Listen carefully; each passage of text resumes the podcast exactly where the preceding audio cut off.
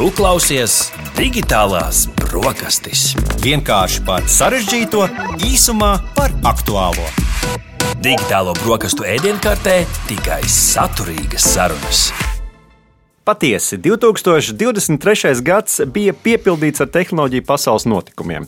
Pagājušajā raidījumā atskatījāmies, cik precīzi bijām prognozēs par 2023. gadu, jeb aizgājušo gadu. Savukārt šajā raidījumā izteiksim prognozes par tehnoloģiju attīstību 2024. gadā. Um, jā, nu, kas nebijis 15 prognozes no 15 dažādiem tehnoloģiju jomas ekspertiem un entuziastiem. Un kā jau katru gadu, šī gan ir ierasta lieta.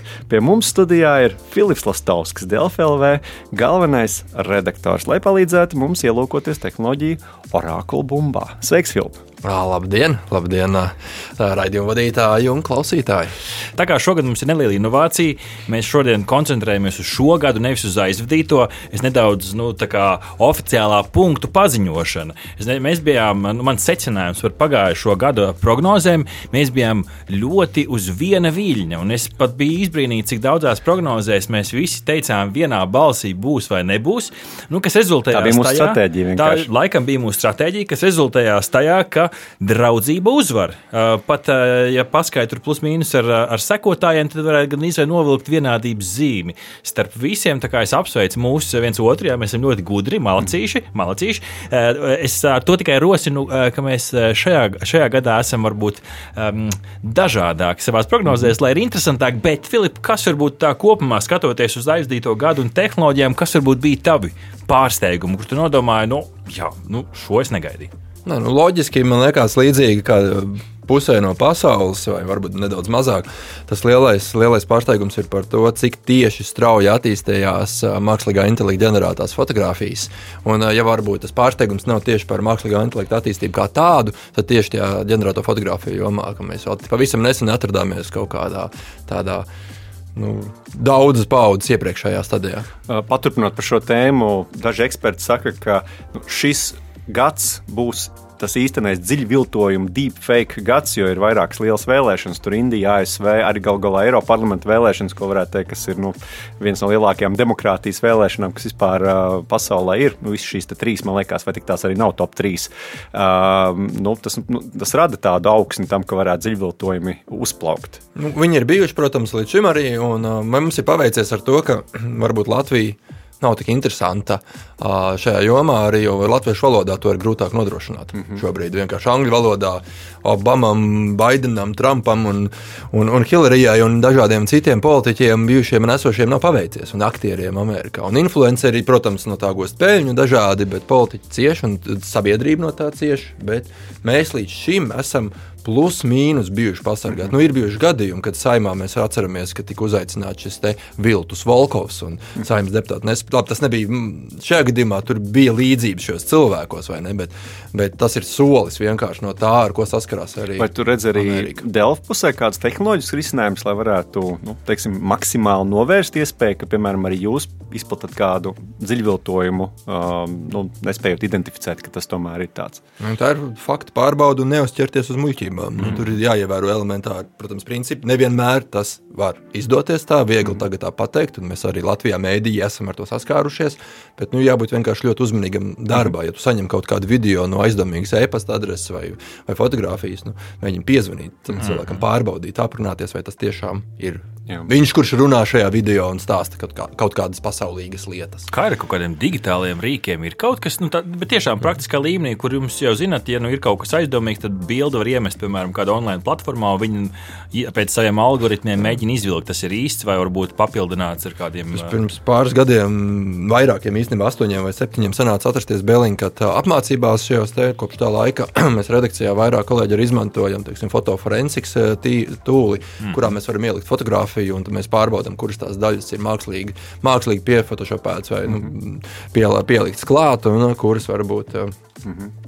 Kur ir autentisks materiāls? Tā kā ir kaut kāda rīka, jā, kas ir pieejami, un mēs arī esam publicējuši materiālus, kā cilvēkiem to atpazīt. Un, bet mēs tā no paša rīkiem visvairāk izmantojam, teiksim, fotoforensikas, man liekas. Mm -hmm. Kādas vēl var būt tehnoloģiju jaunumi, pārsteigumi šajā gadā no tavas puses? Nu, īstenībā no tādiem lieliem tas arī ir tāds vienīgais. Mm -hmm. Nav nekādu citu tādu lielu sensāciju vai tādu lielu paradigmu maiņu, kas pēkšņi izmainītu visu to, to, to pasauli. Ir kaut kāda sīkuma un tāds, bet uz tā visa fona tas, cik ļoti visi cilvēki, nu ne visi, jā, īstenībā mazākā daļa uztraucās, lielākā daļa citas problēmas, bet uh, cik, cik lielu uzmanību mēs mārketingā, uzņēmējdarbībā, sabiedriskajās attiecībās, visu kaut kur reklāmā izmantojam šos rīkus un arī sadzīvē reizēm vienkārši spēlējoties kaut kādām spēlēs, kaut kādās. Tas, tas, tas, tas, To mērogu negaidīja neviens. Tieši. Ja par kopumā par visādiem rīkiem gaidīja, tad tieši tajās fotografijās tiešām nu, tas nebija gaidīts. Ir tā draudu puse, tātad tās bildes, kas tiek ģenerētas un, un tiek neīsti vai pat nebijuši lietas uzdotas par, par īstām un, un notikušām, bet no tās pozitīvās puses, kā varbūt tavā ikdienā vai Delfi ikdienā ienācis mākslīgais intelekts un kā tas ir, kādi varbūt ir tavi iecienītie mākslīgā intelekta instrumenti, kas tev palīdz? Par tām pašām fotografijām runājot, mēs jau gadiem izmantojam, nu jau tiešām vairākus gadus. Mākslīgā intelekta ģenerētas fotografijas, tā kā Midjourney. Kas... Laika apstākļi ir kaķi. Tie, tie nav īsti. Tie ir cilvēki, tie ir lasītāji, tie ir atsliecinieki mīluļi. Un mēs ah. viņus, tie ir īsti autentiski. Uh, mākslīgais intelekts, kaķis mums netaisīs, tos nogadrošinās mūsu lasītāji.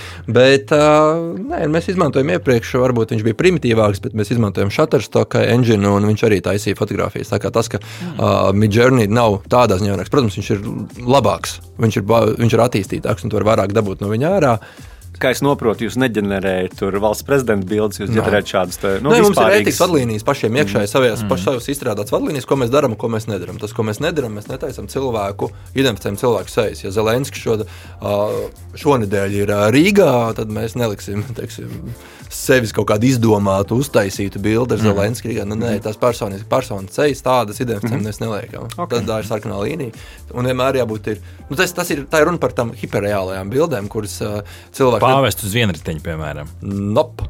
Tādas es saprotu, ka varbūt vēlētos redzēt, ir auditorija, kas gribētu kaut ko tādu nu, smieklīgu. Ja esam gatavi 15 prognozes no 15 dažādiem tehnoloģiju pasaules ekspertiem un entuziastiem, sākam ar pirmo. Sākam ar pirmo, sākumā iedziļināsimies pašā prognozē, un tad veiksim savu balsojumu. Starp citu, liels paldies visiem tiem, kas LSM.CLV Instagram kontā nedēļas sākumā jau veica savu skatītāju balsojumu. Sekojiet, lūdzu, LSM.CLV Instagramā. Tur mēs arī vaicājam jums dažādus jautājumus nedēļas sākumā ar, nu, tā skaitā tā aizdītās nedēļas ziņām. Rihard, servē pirmo prognozi. Jā, nu, pirmā prognoze, kāds pārsteigums būs saistīta ar mākslīgo intelektu. Un to mums uh, uh, sagatavoja uh, Risto Māsings, Igaunijas mākslīgā intelekta risinājuma uzņēmuma vadītājs. Un uh, prognozes skan šādi. Būs pieejams mākslīgā intelekta produkts, ar kura palīdzību cilvēki varēs izveidot jeb pasūtīt pas, paši savus video, jeb mākslīgā intelekta video on demand. Tātad, video pēc pieprasījuma. Jā, Un te es varbūt nedaudz paskaidrošu. Risto mums arī iepriekš digitālais brokastīs ir nācis tālāk ar dažādiem mm, padomiem un, un, un, un jautājumu skaidrojumiem, un te Risto skaidro savu lietas būtību nedaudz sīkāk. Tad viņš iztēloja, nu, kā, kā mēs to saprotam. Risto saka, ka cilvēkiem nevis būs jāizvēlas, ko viņi skatās, bet gan tie varēs aprakstīt vēlamo video vai žanru, ko viņi vēlas, un mākslīgais intelekts radīs scenāriju, video un audio celiņus. Un te es vēl tāds kā mazais uh, interesantais fakts. Risto arī pavaicāja tādam specifiskam uh, large uh, language modelim, jeb lieliem valodu modelim, lieliem valodu modelim paprasīja aprakstīt šo servisu, kā tas tu iztēlojās. Un, nu, kā viņš kā mākslīgais intelekts skaidro, tad izmantojot intuitīvu un lietotājiem draudzīgu saskarni, vienkārši aprakstiet tā video klipu sižetu, kur vēlaties skatīties. Uh, un, kad esat izveidojis skriptu un scenāriju, varat pielāgot savu video klipu atbilstoši savām vēlmēm, izvēlēties aktierus, vidi, mūziku un pat specifektus. Un tikai dažu minūšu laikā jau pielāgotais video klips tika ģenerēts un gatavs skatīšanai. Nu, diezgan jau specifiska prognoze, bet nu, var, varbūt pieturēsimies pie tās, pie tās prognozes pamatteksta, lai mums gada beigās nav jāmeklē ļoti specifiskas lietas. Video pēc pieprasījuma. Filip, kā tu uz to skaties? Vai tas, vai tas varētu būt kaut kas reāls un plaši pielietots? Mm. Es lasīju, protams, es nezinu par šo ļoti daudz, neesmu interesējies par video tieši tā vispār, vispārēji, tāpēc es iedziļinājos nākot šo raidījumu.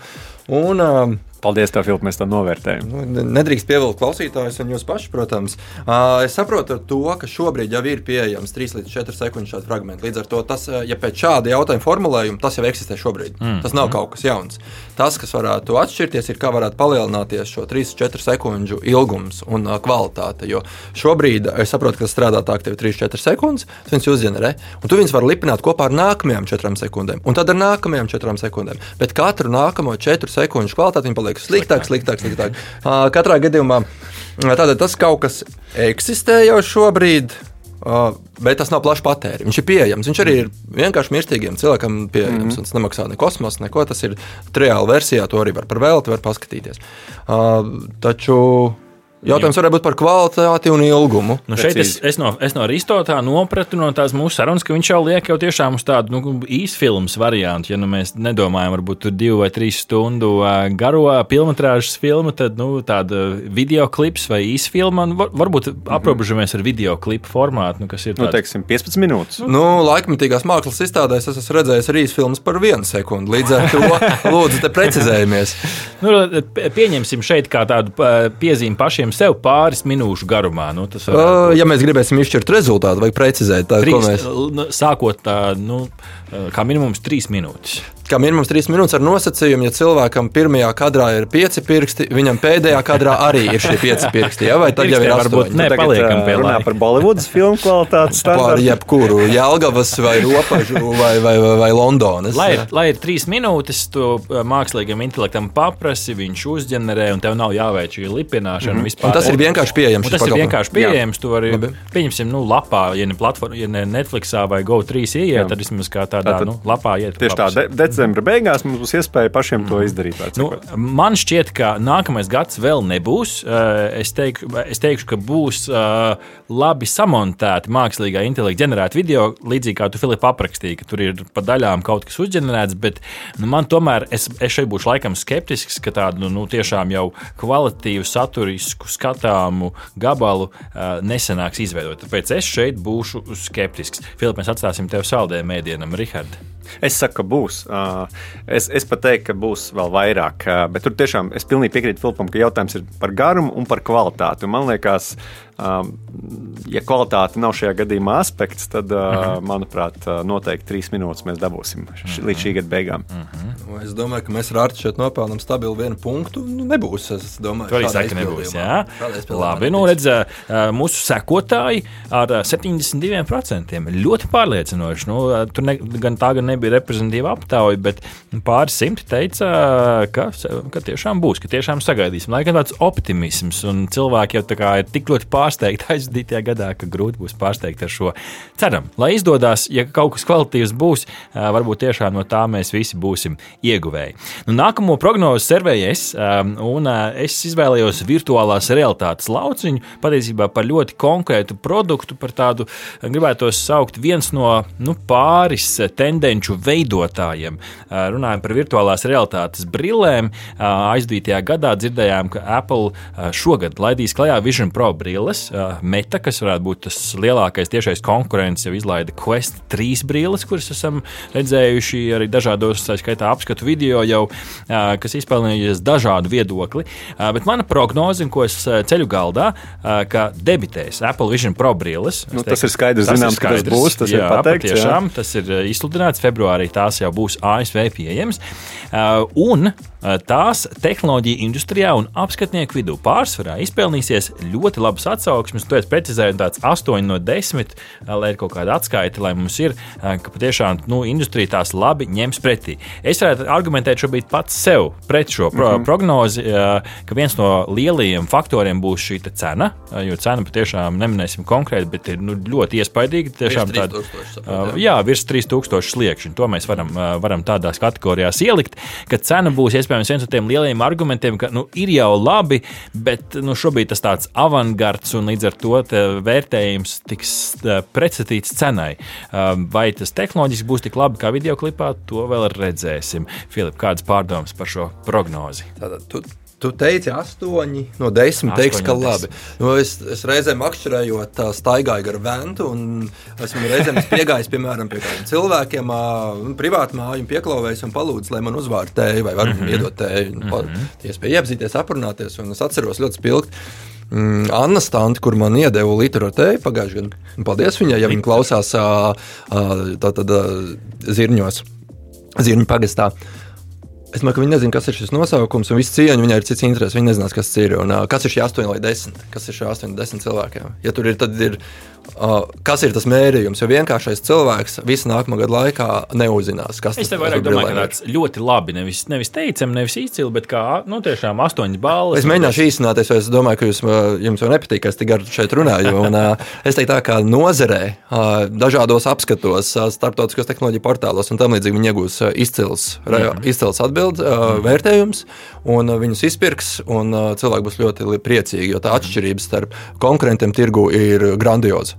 Viņi nav pārējie. Solījumi pagaidām Solījumi, jo tas, kas tiek solīts, ir tas, ka pārējie koncentrējas uz spēlēm, šis koncentrējas uz krietni plašāku spektru. Tur ir jābūt rezultātam. Tas kā, kā pozitīva lieta, es vēl pieminētu to, ka viņi tomēr arī jau laicīgi sāka gatavot augsni. Respektīvi, arī lai tās lietotnes būtu ne tikai tās, ko viņi paši ir gatavojuši, bet arī kaut kas vēl cits. Viņi tomēr iedeva kompānijām iespēju jau kopš pagājušā gada vasaras gatavoties un arī ražot saturu, ko tajās brillēs vispār varēs patērēt. Un tas arī varētu būt zināms pluss, lai nebūtu tā, ka, nu, kā bija sākumā ar tiem salokāmiem telefoniem, ka tur strādā dažas programmas, tikai izmanto to jau formas faktoru, bet uh, pārējās visas tur principā nu, vai nu salūst, vai vienkārši nav Bet pauzē, izmantotas. es saprotu, ka daudz arī startupi pauzē, vēl ne, ne, neattīstot tos aplikācijas potenciālos mm. un produktus, jo nezinu, vai viņš aizies. Vai, vai aizies tās brilles? Ja aizies, tad viņi, protams, tur ieguldīsies, bet kamēr tas nav, tad tā.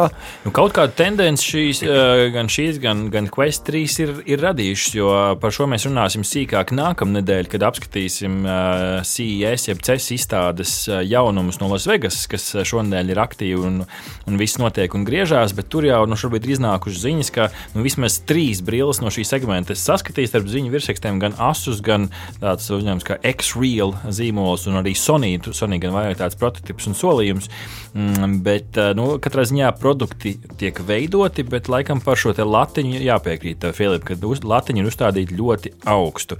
Nu, Rihard, kāds, kāda tava prognoze? Būs vai nebūs? Nu, šis ir, šis, šo būs pagrūti arī novērtēt, ja godīgi pēc gada saprast, īpaši, kad jau gads būs pagājis, jo tur ir jautājums par pirmajām reakcijām, mm -hmm. par tālākajām reakcijām, arī droši vien par, par, par dažādiem kontekstiem.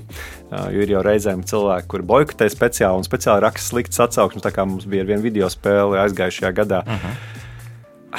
nu, sarežģīts jautājums. Es teikšu, ka būs. Saki, Vēl, ja drīkst ātri maz, mazu repliku, tad īstenībā uh, viņš būs vai ne? Uh -huh. Būs. Un tad šie te Apple priecāsies par to. Viņi uzvilks šīs brilles un vēl tālāk attālināsies no realitātes cenu politikā. Viņi vienkārši neredzēs vēl vairāk, kur viņi atrodas. Ļoti labi piezīme par šo. Mēs parunāsim vienā no nākamajām prognozēm. Ļoti labs āķītis uz priekšu par vietāluņiem un to, to cenām. Nu, es šeit teikšu, ka nebūs. Oho! Lai, mā- lai, lai es pieturēšos pats pie saviem vārdiem, un es sekošu arī sekotājiem, kuri ar nelielu pārsvaru 54% saka, ka nebūs. Uh, es, uh, lai ir nedaudz, nedaudz dažādība, man nav liels arguments. Es vienīgais, ko es varētu pats kā nopamatot šo, ir, ka viņi ir uzstādījuši tās cerības tik augstu, ka būs grūti tās mm -hmm. attaisnot. Mēs redzēsim daudz stāstu, ka nu, klipā bija, bet realitātē vēl nav, un uh, daudz kas varbūt pat šogad vēl neiznāks no solītā, bet līdzīgi kā Apple uh, stilā viņi kaut ko izziņo un saka, kaut kad šis būs mūsu ierīcēs un ierīces to spēs. Tāpēc nedaudz dažādībai, lai ir šādi. Rihard, kāda ir mūsu nākamā prognoze? Jā, nākamā prognoze saistīta ar kriptovalūtām. Un šeit mums ir mazā zvaigznīte jāpieliek. Jā, mums, jā, mums tālāk nāca kriptovalūtu entuziasts Kristaps Mors un piespēlēja mums pirmo prognozi. Un izrādās, ka tā šajā nedēļā piepildījās jau. Jā, tieši tā. Tātad prognoze bija, ASV tiks apstiprināts viens vai vairāk no Bitcoin ETF pieteikumiem. Jā, ETF, tie, kas tie, tie, varbūt kaut kas jauns ir, ir dzirdēts, jo šie, šie nav, mēs nerunājam par non-fungible tokens, jeb NFT. Tas ir kaut kas cits. ETF ir biežāk tirgoti fondi, kas seko bitkoinu vērtībai un tirgojas tradicionālā tirgus biržās, nevis kriptovalūtas biržās, un tas ļauj investoriem ieguldīt bitkoinu bez grūtībām, kuras rada šāda nu, specifiskās biržas un platformas un tā tālāk. Un patiešām šis jau šajā nedēļā piepildījās, un pat vesels, protams, ka desmit pieteikumi ir apstiprināti. Līdz ar to šis šis griežās un ir noticis. Un, nu, lai būtu godīga, godīga spēle pret mūsu sekotājiem, kur nedēļas sākumā par šo balsoja, plus viens punkts. Uzreiz mēs varam pateikt, plus viens punkts sekotājiem, jo ir 51%. Nedaudz, bet 51% sekotāji teica, ka būs, un patiešām tas arī piepildījās. Taču mazais, nu, lai mums ir pašiem interesanti, un nav vienkārši, ka mēs aizējām uz nākamo kategoriju, Kristaps mums piespēlē B variantu. B variants ir vienkāršs, bet saistīts ar šo. 2024. gadā Bitcoin sasniegs jaunu, nu, tādu vispārēju, visu laiku augstāko cenu, kas ir virs 70 tūkstošiem ASV dolāru. Nu, tāds jūsu izpratnē, arī, arī klausītāju izpratnē, es iemetu, iemetu aci arī, cik tad ir šogad bijusi tā cena liela. Lielākā cena um, bija tieši gada beigās, varbūt tieši saistībā ar šo ziņu, nezinu, uh, grūti prognozēt, bet uh, uz gada beigām beigām šis, šī vērtība, tu atšķirsim precīzi vaļā, decembris, un decembrī tā bija nu, ap 40 tūkstošiem, nedaudz mm. virs 40 tūkstošiem. Tas bija aizdītā gada nu, pīķis. Šeit, protams, jāpiebilst, darbie klausītāji, mēs neesam finanšu analītikas raidījums, neusturiet mūsu prognozi kā kādu ieteikumu. Ja jūs ieguldat naudu kriptovalūtās, to jūs varat arī visnotaļ pazaudēt, tāpēc esiet ļoti skeptiski pret dažādu veidu ieguldījumiem. Jā, lai iedot vēl fonu, tad uh, visu laiku šķiet uh, augstākā vērtība uh, bija um, ap 2021. gadu, man liekas, un tā sasniedza vairāk kā 56 mhm. tūkstošus mm -hmm. dolāru. Jā. Nu, lūk, šādi interesanti, interesanti fakti. Vai tavuprāt, uh, Filipa? Es labošu sev uzreiz eiro. Šitā tabula ir eiro. Jā. Jā. Mm -hmm. Vai nu, šāda uh, biržā uh, apgrozīt kaut kādas ar bitkoinu saistīti, saistītas vērtības, vai tavuprāt tas uh, nu, nesīs to kāpumu, vai tomēr pasauli kopumā skatoties, jā. vai sabiedrība ir pārāk skeptiska, lai, nu, lai ieguldītos? Jā, atkārtošu vēlreiz to prognozi. Tātad 2024. gadā bitkoins sasniegs jaunu visu laiku augstāko cenu cenu, tad vairāk, nu, vairāk kā manis iepriekš minētā summa. Mm -hmm. Es teiktu, ka būs. Es klausoties arī podkāstus par šo tematiku, es saprotu, ka tas optimisms šobrīd ir ļoti liels, īpaši pēc notikumiem ASV, ko mēs tikko apstāstījāt, un mm. būtu jābūt. Mm -hmm, mm -hmm. Man citu, citu apsvērumu nav, tāpēc, ka ja man agrāk šķita, ka es nu, saprotu, kas ir kas. Tāpēc šīs sapratnes es smagi vīlos un diezgan daudz līdzekļu arī patiesībā pazaudēju lielā cerībā, ka digitālās valūtas aizies. Klausītāji mācieties no mūsu kļūdām. Mācieties no mūsu kļūdām un esiet apdomīgi ar, ar saviem līdzekļiem. Tā kā labāk, labāk izveidojiet drošības pilvenu. Drošības pilvens ir jūsu labākais draugs. Es šeit. Tas ir labs padoms, ja ņem vērā, ka kripto, kripto šie aktīvi ir vienkārši tukšs gaiss. nu, pirkt tukšu gaisu nav droši vien vienmēr prātīga ideja, bet nu, citi cilvēki prot nopelnīt arī ar šādu. Rihard, ko tu teiksi? Um, ņemot vērā to izaugsmu un, un tās ziņas, jau, ko tu arī pieminēji, tad um, es laikam arī teikšu, ka, ka būs. Bet es neizslēdzu, ka būs arī liels svārstības un, un, un, un var gadīties, ka gada beigās jau šī kriptovalūta piezemēs kaut kur daudz zemāk. Bet es domāju, ka līdz šai vērtībai varētu arī tikt. Nu, nu, labi, vienā, vienā prognozē mēs varam atļauties būt viensprāts. Es arī atzīmēšu šeit, ka būs. Tad skatīsimies, vai, cik mēs priecīgi. Es varu samainīt ātru atbildi. Nebūs. nebūs, nebūs. Nu, tā kā es domāju, ka kopumā tas pasākums par kriptoaktīviem ir muļķīgs visā pasaulē, tad es būšu pesimists. Arī. Būs pesimists Ieturēšu vadlīnijas okay. no iepriekšējā gada. Nebūs. Jā. Labs ir. Labs ir. Sarunāts, sarunāts, sarunāts pie, piefiksējam, pierakstam ar pildspālu, viņa ne, nepazūd. Labs ir. Nākamā prognozē mums par kosmosa tēmu. Jā, un to mums uh, palīdzēja izveidot Oskars Raudiņš no Annas 2. Uh, un, uh, arī Rīgas Tehniskās Universitātes. Un uh, šī prognoze skan šādi: SpaceX Starship kosmosa kuģis 2024. gadā veiksmīgi testa lidojumā pacelsies un sasniegs orbītu. Jā, un šeit Oskars mums ir atsūtījis arī papildus skaidrojumu, lai mēs saprotam nedaudz sīkāk lietas būtību. Tad es viņam prasīju, kāpēc tā orbīta ir tik ļoti nozīmīga šajos testos. Oskars eh, skaidroja, ka orbītas sasniegšana ir svarīga, jo raķete ir spējusi izlidot no mūsu atmosfēras ar pietiekoši lielu ātrumu, lai turpinātu krist apkārt zemeslodē. Interesanti, krist apkārt zemeslodē. Eh, Kosmosa līnija tiek uzskatīta par 100 km no Zemes. Uzlidot 100 km uz augšu ir relatīvi vienkārši, bet ieskrieties pietiekoši ātri, lai kristu mūžīgi mūžīgi pēdiņās ap zemi ir ļoti sarežģīti. Jāsasniedz ātrumi virs 17,000 km/h. Ja, man šķiet, ka Filips, ja mēs ar šādu ātrumu patrauktos garām fotoradarām, tad mēs būtu neredzami, vai ne? Nevajag, nevajag traukties. Nevajag tā traukties. Fotoradarām nedariet tā, klausītāji, jo nedariet jūs arī raidījumu tā. Starp citu, Oskars arī piebilst, ka nākošais solis pēc šī, ja tas piepildīsies, um, lai tiktu līdz Marsam, būs orbitālā degvielas uzpilde, kad viena raķete ir pilna degviela, uzšauta uh, savukārt otra ar cilvēkiem vai robotiem, un tad viņas savienojas orbītā un degviela pārnes no vienas uz otru. Mm -hmm. nu, tā. Filip, kas tā par sabiedrībā, par fast, no Amerikas, varbūt vairāk par sabiedrībā to fascināciju, aizrautību ar Marsu? Un mēs kaut kur nesen, es nezinu, cik leģitīms bija šis ziņu avots, jo tas bija tā garām skrienot izlasīts par to, ka Mars, nu tomēr, ja cilvēks tur ilgāk par četriem gadiem pēc kādu zinātnieku aplēsēm nemaz nevar radiācijas dēļ nemaz nodzīvot, nu, neiedziļinoties lietas, lietas būtībā, bet par spīti tam, nu, mērķis ir uzstādīts Mars tas vairāk tādu mūsu izaugsmē, zinātnes izaugsmē, vai kādu to nesasniedzamo mērķi, vai tomēr tur kaut kas ir? Tas ir, cilvēks vienmēr ir interesējis terra incognita un nokļūt kaut kādā nezināmā zemē, kuru nezināmajā un nepie, nepieejamajā. Līdz ar to tas tā ir un būs mūžīgos laikos. Mums kaut kas vienmēr ved uz priekšu, kaut kas veids atklājums, kaut kas mudina zinātni un kaut kas mums ļauj izdzīvot par spīti visādiem uh, pārdzīvojumiem un satricinājumiem. Jā, nu, lai arī Kristofers Kolums vairs dažos ASV štatos nav ļoti populārs, bet nu, katrs tomēr. Ja jūs turpināsiet par to runāt, jūs raidījuma kancelēs. Labi, ir, tad ir laiks teikt prognozi. Es teikšu, ka būs. Um, es teikšu, ka būs, jo mēģinājumi jau ir bijuši. Uh, tur gan nu, daļai neveiksmīgi raķetes ir cēlusies un ir sprāgusi, bet nu, to 100 km robežu sasniegs. Kas pēc tam notiks, tur gan es neprognozēšu. Es drīzāk, tad, ja man būtu jāturpina šī prognoze, teikt, ka sekos smags sprādziens uh, padebesī, bet es šeit likšu, ka būs. Rihards.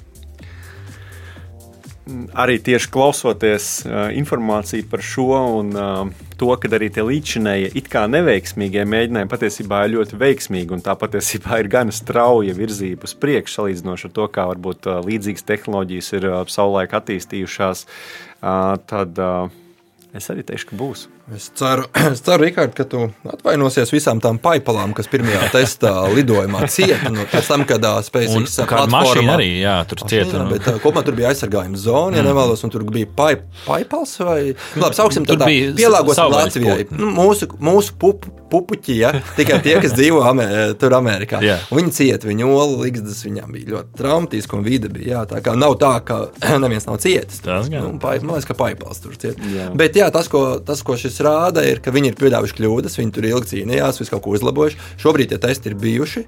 Uh, nu, it kā ir pamats mm. cerēt, ka tagad būtu jābūt. Jo iepriekšējie testi rāda, ka viņi ātri pielāgojas, ātri mācās no tām savām kļūdām. Jā, nu, paipalām tas vairs nepalīdzēs. nu, tad esam viensprātis ar mūsu sekotājiem, kas ar 56% nepārāk pārliecinoši, bet arī prognozēja, ka būs. Tad visi šeit esam uz vienas, vienas uh, līnijas. Labi.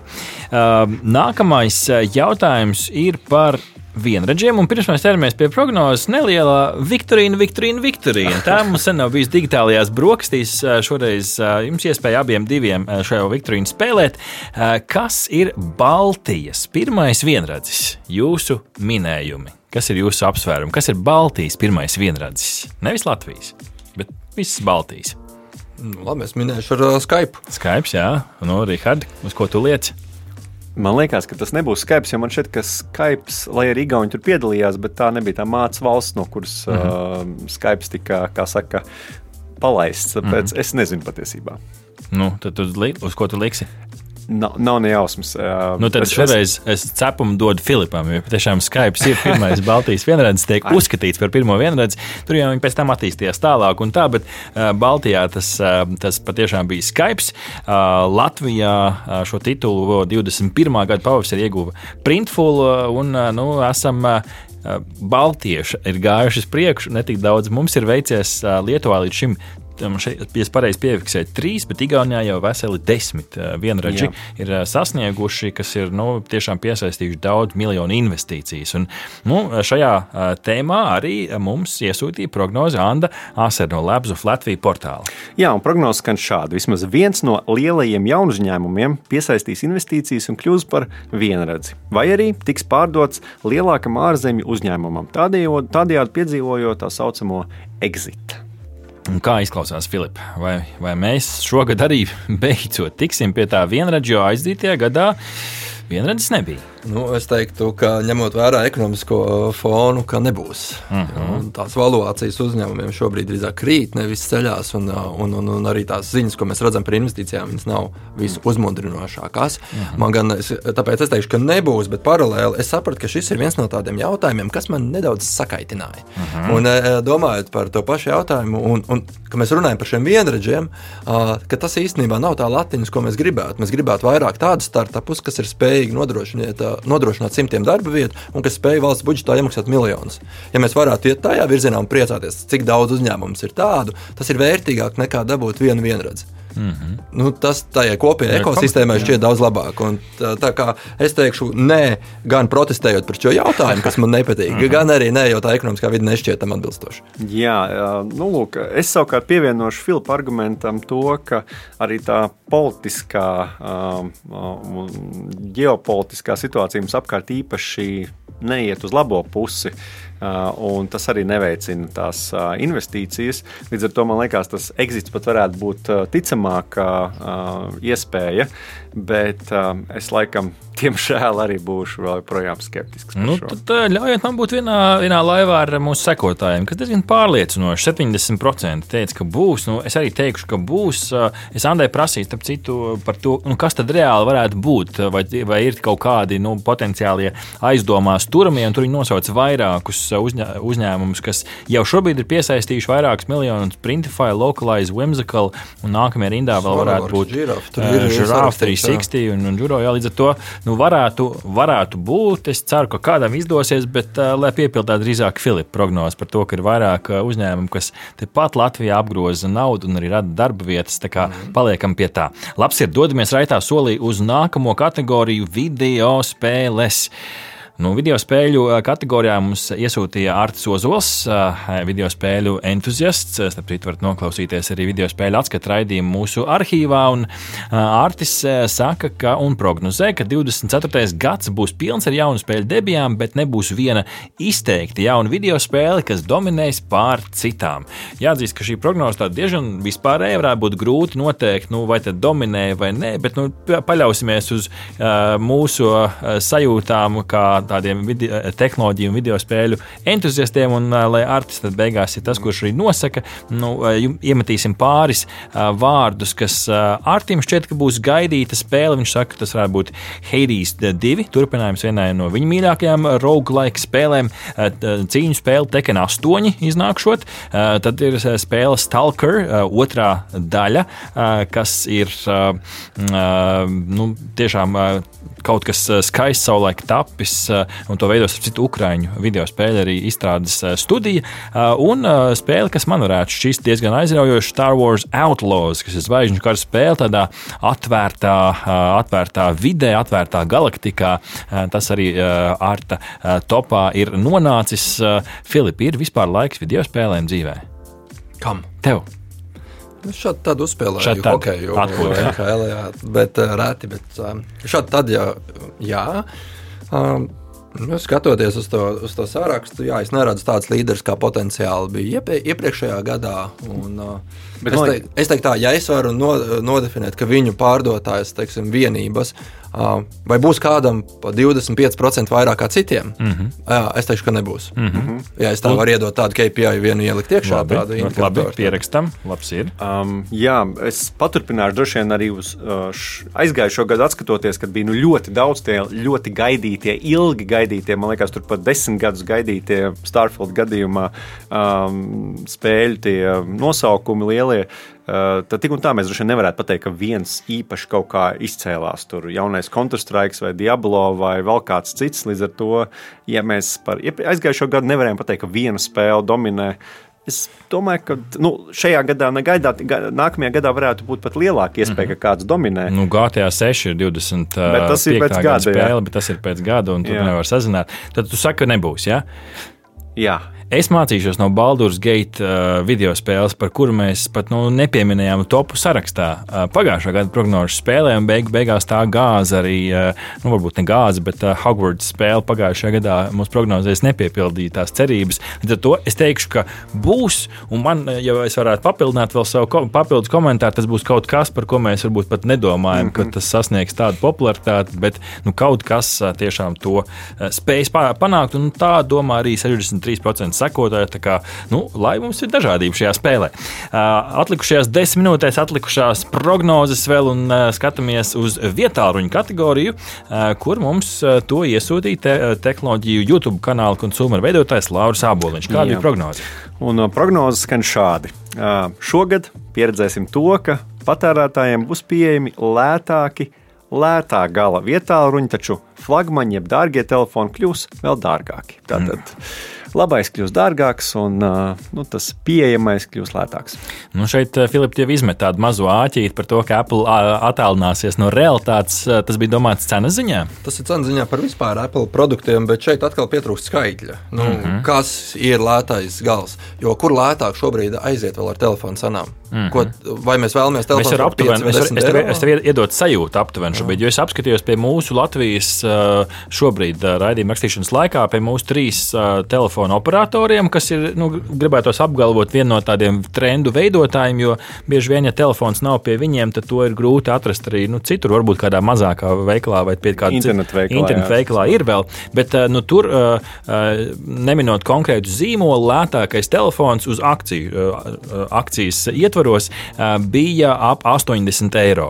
Nu, tas lētais gals tu, turējās ap to 100, bet bija nu, Nu, šāds. internetā šāds var par pārdesmit eiro pasūtīt. Var, protams, tā tad arī. eksistē jau lētā gala telefona par pārdesmit eiro. Mm. -hmm. Es domāju, ka lētāk par šiem pārdesmit eiro, ko es mm -hmm. varam atrast kaut kur Amazonē, eBay vai vēl kaut kur, mm. -hmm. nevar vairs mm -hmm. fiziski noiet. Es domāju, ka Lauris, es, protams, tas būtu jāprasa pašam Laurim, bet man šķiet, ka Lauris šeit domājas nu, to vadošo, nu, droši vien uz vienu vai divu roku pirkstiem mm -hmm. saskaitāmo uh, zīmolu, te, telefonus, un mm -hmm. nu, to cenas jau droši vien nav gluži ap 20 eiro. Ja man tas nav šeit pateikts, tad es teikšu, Tad ka es arī nākamajā gadā atradīšu jums telefonu par 30 eiro. Par to lētāk nu, palikt nevar. Līdz ar to lētais gals, manuprāt, nepaliks lētāks, jo, jo viņš jau ir maksimāli lēts. Šajā gadījumā, ko- cik viņš var aiziet, varbūt jāapsūdz no ārzemēm, nav vērti, bet viņš jau ir. Savukārt, dārgais gals, uh, nu, tas kopējais noskaņojums pēc dzīves dārdzību visā pasaulē, ne tikai Latvijā, man liekas, ka piebremzēs šos uh, arī tehnoloģiju gigantus, kas atļaujās šās lielās cenas likt tur pie diviem tūkstošiem un vēl vairāk, uh, ka tas stāvēs uz vietas.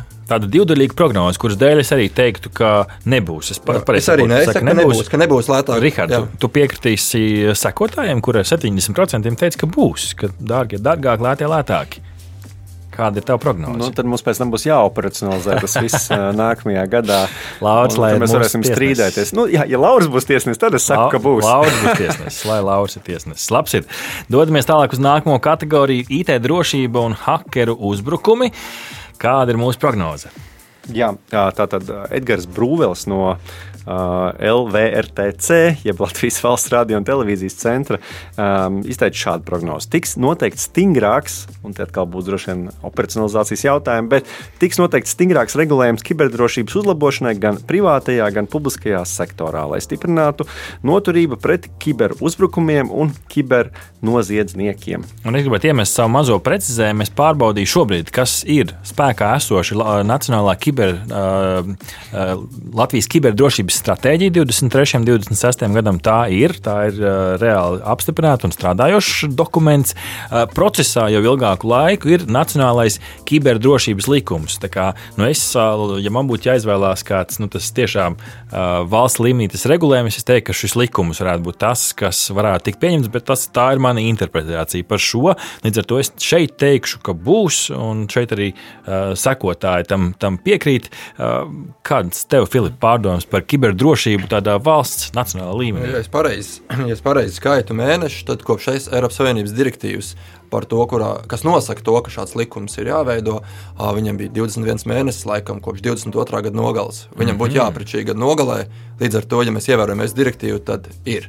No otras puses, Latvijas valsts solīja, ja, ja es šo nejaucu, solīja kiberdrošības centru jau iepriekš, 23. gadā, tā mums nav aizvien. Bet tie deadline, manuprāt, ir šī gada nogalē, pēc mm. direktīvas. Tad pēc tādiem es saku, termiņiem, pēc termiņiem ir būt. tā kā mm. jābūt. Viņ, jā. Labi, Rihard, kāds, kādas tavas pārdomas?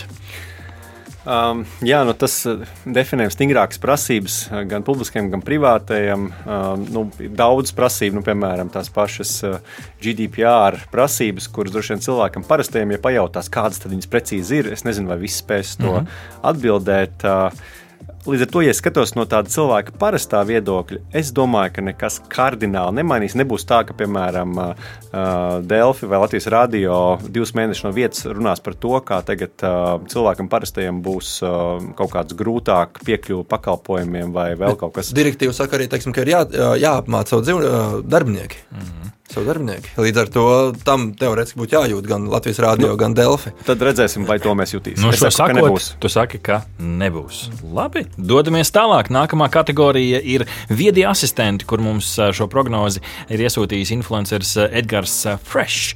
Un tās skan šādi: lielie tehnoloģiju uzņēmumi izlaidīs jaunu, uzlabotu versiju saviem virtuāliem asistentiem, kā Google Assistant, Alexa, Siri un pat Bixby, lai tie jau sasniegtu, nu, viņš deva mums atskaites līmeni GPT-4 četri to saskarsmes līmeni, ka tev pretī jau ir nu, tāds dabisks valodas plūdums, kas varbūt kaut kur asistentos līdz šim, šī jau mana interpretācija ir bijusi, bet līdz šobrīd vēl nav. Man gribētos, es šeit izteikšu tādu ticības pilnu un cerības pilnu prognozi, ka būs. Jo es patiešām es esmu pārliecināts, ka būs. Tu, tu esi pārliecināts par to. Jā, jā, jo tagad jau, man liekas, Amazon Alex izziņoja, ka viņiem tur nāk visādi papildus rīki klāt, un es domāju, tas pats Samsungs pateica, ka tur jau arī ir iekšā mm -hmm. šie lielie lielie valodas šeit modeļi. Ir, šeit ir veseli četri spēlētāji nolikt uz rindas. Līdz ar to nu, vajadzētu visiem četriem arī spēt nonākt līdz tam līmenim. Tev šeit, Rihard, ka viņi sadoties, piedošana, Filip, vai tev šeit, ka viņi spēj sadoties rokās un nu, sniegt to, to lielo. Es teiktu, ka būs, pārmaiņu. bet cilvēkiem tas jau tajā brīdī, kad būs, būs mm -hmm. apnicis mm -hmm. jau stāsts par šādu veidu pakalpojumu. Viņi jau noguruši, visi ir, ar, visi ir tikai AI, AI, AI, AI, lieciet man mierā. Ai, ai, ai, ai, ai, ai. ai, ai, ai, ai. Bet es domāju, ka jābūt tas, ko Rihards teica. Visticamāk, tā arī. Labs ir, labs ir. Dodamies uz nākamo kategoriju, kas ir automašīnas. Šī prognoze nāk no Ginta Gavera, no Latvijas radio divi raidījuma garāžas sarunas. Un Ginta servē prognozi jaunu auto pircēju. Priekšroku dos pēc iespējas jaunākam automobilim un starp SUV klases automobiļiem Latvijā lētākais crossovers Dacia Duster iekļūst piektāko spēkratu trīniekā savā segmentā. Un šeit es, protams, gribu izcelt, lai mēs nerunājam tikai par vienu zīmolu, ka par topu cīnās arī Volkswagen, Toyota un Skoda. Tie ir tie automobīļi, kas cīnās. Bet jautājums tieši par Daciju. Ja? Nu, šeit ir tieši par, par Daciju. Jā. jā, lai var pēc tam izmērīt vieglāk. Mm -hmm. nu, labs ir. Es, es teikšu, ka sasniegs. Šeit ir mans, mana prognoze par būs, jo viņi ļoti agresīvi iet tajā mūsu Latvijas, Latvijas tirgū, ko mēs varam redzēt arī tajā skaitā Latvijas auto gada balvā. To redzēt ar daudzajām mm -hmm. nominācijām. Rihard, tavu prognozi? Es teikšu, ka nebūs. Jūs teiksiet, ka nebūs kādā īpaša apsvērumi. Uh, man šķiet, ka tomēr. Konkurence sīva konkurences sīva. Tur ir sapcīt prognozēt divas daļas. Mm -hmm. jā, mhm. tas nav tikai par Daciju, tas ir arī par to, ka mm -hmm. cilvēki pirks pēc iespējas jaunākas mm -hmm. auto. Mm -hmm. um, un, un, nu, jā, es teiktu, Super. ka būs kāds cits, cits arī būs, konkurence. Es būšu šokēts, ja tas da, da, Dacija tur neatradīsies. Mm -hmm. Tur tā cena to nosaka, man liekas, mm -hmm. viņš tur atradīsies. Teiks, ka būs labs. Ir. Raitiem soļiem pēdējās prognozes sociālo tīklu platformas Vilhelms Meisters no Vronga aģentūras servē mums prognozi. Jā, arī Latvijā parādīsies aizvien vairāk digitālo influenceru un zīmolu, kas radīs vizuālo saturu primāri ar mākslīgā intelekta rīkiem. Es šeit teikšu, ka nebūs, ja man nešķiet, ka mums ir tik daudz to finansiālo kapacitāšu, lai digitālos rīkus attīstītu tik tālu, lai gan pasaulē influenceri ir. Filipa, tavas pārdomas? Es teiktu, tā, ka šobrīd jau jebkurš tiktokers prot apstrādāt video tādā līmenī, cik pirms pieciem gadiem to viduvēju, spēja viduvējs video montētājs. Līdz ar to teorētiski tas rīks tur ir. Mm -hmm. Ja mēs neesam nodefinējuši par to, cik daudz būs to vairāk, mm -hmm. tad es teiktu, ka vismaz divus es atradīšu. būs vairāk. Tā kā es teikšu, ka būs. Es, es arī piekritīšu Filipam, lai arī man šķiet, ka ļoti populārs kļūst šis autentiskais saturs, kur cilvēki izvelk telefonu no kabatas un iefilmē kaut ko, un tas tagad ir moderni tā darīt. Bet tās iespējas, domāju, cilvēki izmantos, un tas būs ļoti pieejams. Mm. Jā, nākamā prognoze mums ir saistīta ar Latvijas zinātnes sasniegumiem, un to mums piedāvā Ieva Siliņa, raidījuma zinātnes vārdā, radio un abraidījums, un arī prāts izglābs pasauli, radio SVH savukārt raidījuma veidotāji. Un tad prognozes skan šādi. Latvijas zinātnieku izstrādāta jauna veida mākslīgā intelekta balstīta 360 grādu augsts izšķirtspējas apkārtējās vidas telpiskās uztveres sistēma, oh. kura redz arī dziļumu informāciju. Un tātad šī sistēma, ko es aprakstīju tikko, šogad pirmo reizi tiks uzstādīta un demonstrēta uz reāla auto. Un šeit viņi velk uz elektronikas un datorzinātņu institūtu, kas šajā virzienā strādā. Saprot, mm -hmm. ka pētījums un reāls darbs tur ir, bet šeit tā prognoze, ka reāli uz īsta auto tiks uzstādīts un demonstrēts. Ir pat viens zīmols, ko viņi minēja, bet nu, to neizcelšu šeit specifiski. Nu, kādas sajūtas par šo? Nu, ja tik specifiska prognoze, neko nezinot vairāk, man gribētu ticēt, ka būs. Un šeit arī uh, sekotāji laikam domā līdzīgi. Kādas pārdomas jums šeit? Nu, es lasot šo prognozi, arī sapratu, ka runa ir par Ediju šo mm -hmm. institūtu, bet uh, Vai būs vai nebūs? Nu, es gribētu arī novēlēt, lai izdodas. Šoreiz būtu pozitīvs. Vēlējumi, labi, Filip. Teiktu, ja viņi var atrast prototipu, uz ko to pārbaudīt, ir reāls mašīnas, tad var būt. Bet uh, drīzāk, ka nebūs, jo šobrīd jau lielās kompānijas kopumā pašas taisa šos risinājumus mm -hmm. sev. Un, un tā kā diezgan skeptiski, skeptiski skatītos uz šo. Nākamā prognoze par zaļo enerģijas vilni. Jurģis Viniņš no sadalījuma tīkla ģenerācijas eksperts mums iesūtīja šo prognozi, ka līdz 25. gada janvāra sākumam saules ģenerācijas kopējā uzstādītā jauda varētu sasniegt 550 līdz 600 megavatus. Un skaidrojums no šīs jaudas ap 180 megavatiem varētu veidot tieši mikroģeneratori, jeb saules paneļi mājasemniecībās, bet pārējo saules elektrostacijas stacijas, nu, kas varētu kopumā būt tāds liels nu, kāpums tieši Jā, zaļās. Ja es pareizi saprotu, tad tas būtu reizes divi attiecībā uz to saules enerģiju, mm -hmm. kas līdz šim ir. Mm -hmm. Aptuveni tur tā sanāk. Jā, nu, es, es teikšu, ka būs, jo cilvēki arvien vairāk meklēs veidus, kā taupīt un uzstādīt saules paneļus. Tā kā mm. labs vēlējums nākotnē, es teikšu, ka būs. Uh, Rihard, kādas sajūtas? Es neesmu izpētījis detalizēto, um, es, es neesmu izpētījis detalizētos plānus, kas ir tieši tādai nu, lielai tām elektrostacijām. Uh -huh. Jo mhm. privātais, manuprāt, tur vairs daudz neko nepienesīs tik strauji, kāds ir bijis līdz uh -huh. šim. Um, bet es teikšu, ka būs, jo tur daudz projekti ir iecerēti. Jautājums, vai viņi tiks līdz galam īstenoti. Uh mhm. -huh. Es teikšu, ka nebūs jau lietotāju pirmā interese jau ir kritusies, tagad šobrīd ir stabilizējusies un, un, un, un tas, tas pierimsies. Kāpums būs, bet neticu, ka tādā mērogā. Uh -huh. Priekšpēdējā prognoze no tevis, Rihard. Jā, tā tad uh, prognoze ir šāda. Um, uh, Tātad Eiropas uh, vidēja termiņa laikapstākļu prognožu centrs izstrādās savu mākslīgā intelekta darbinātu rīku kompleksai laikapstākļu prognozēšanai, un tas darbosies vismaz tikpat precīzi kā ierastā sistēma. Un te es pieminēšu, ka nu, viņi darbina vienu no tādām nu, nopietnākajām superdatoru sistēmām, lai šos laikapstākļus vidējā termiņā prognozētu. Un jau šobrīd, kā arī Filips Lieliski bija izpētījis pirms raidījuma, jau ir mēģinājumi atsevišķām prognozēm izmantot šo šos mākslīgā intelekta risinājumus, un tiem ir diezgan veiksmīgi uh, gājis, bet tāds komplekss risinājums, kurš spēj nu, tieši viens pret vienu sacensties uh, visā tajā spektrā ar šo superdatoru, šķiet, ka vēl nav. Tā kā jautājums, vai būs nākamajā gadā, nu, respektīvi šajā gadā. Es teikšu, ka būs, jā, iestrādes ir. Kāpēc lai nebūtu? Nu, kaut, ko, kaut, ko, kaut kas sanāks, cik tas būs kvalitīvs, tas jau ir cits jautājums. Mhm. Kādas tev uh, sajūtas, Filip, tu uh, nedaudz papētīji šo jautājumu? Lasot, ka viņi savos materiālos ļoti lielu uzmanību pievērš. Nu, man nav ne jausmas, es pirmo mm. reizi jā, atradu šī centra mm. mājaslapā. Ne, es pavadīju, es domāju, ka mēs visi. es pavadīju kaut kādu stundu, nepilnu diezgan lasīju, jo tur ir interesanti visādi materiāli par to, kā viņi ar mākslīgo intelektu pēta mm. ledus koncentrācijas jūrā un tam līdzīgi. Tās iestrādes tur ir, es būšu optimists, teikšu, ka jā, lai viņiem veicās. Rihard, es, es piekrītu jums. Jā, jā sarunāts līdzīgi kā uh, sekotāji. Un Filipa, pēdējā prognoze tev. Jā, tātad mans uh, prognoze tāda, vai mēs piedzīvosim kādu nacionālu mērogu komercmē, komercmedija likvidēšanu vai apvienošanos ar kādu citu mēdīju. Proti, vai mūsu komerciālo nacionālo mēdīju telpa kļūs mazāka. Vai te ir kāda iekšēja informācija? Nē, Pagaidām, tīri minējums, labi. Nu, es, es pat nezinu, nu, ņemot vērā to, ka naudas vairāk nepaliek, nu, man tā sajūta, ka tiešām tā būs. Man gan nav neviens tāds aizdomās turamais. Es, es arī laikam teiktu, ka būs, jo, jo man šķiet, ka nu, īpaši jau kas attiecās kaut kādu drukāto presi vai kaut ko tādu, man liekas, tur tas apjoms ar vienu vien samazinās, viss tā kā koncentrējas, lai būtu lielākie spēlētāji.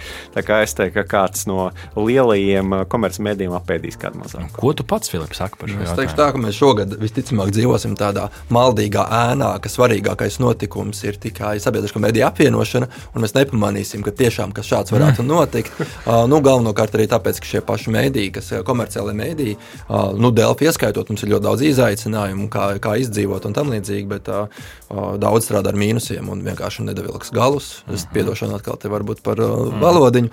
Uh, ka, jā, kas šau, telpa komerciāls medijos kļūst šaurāka.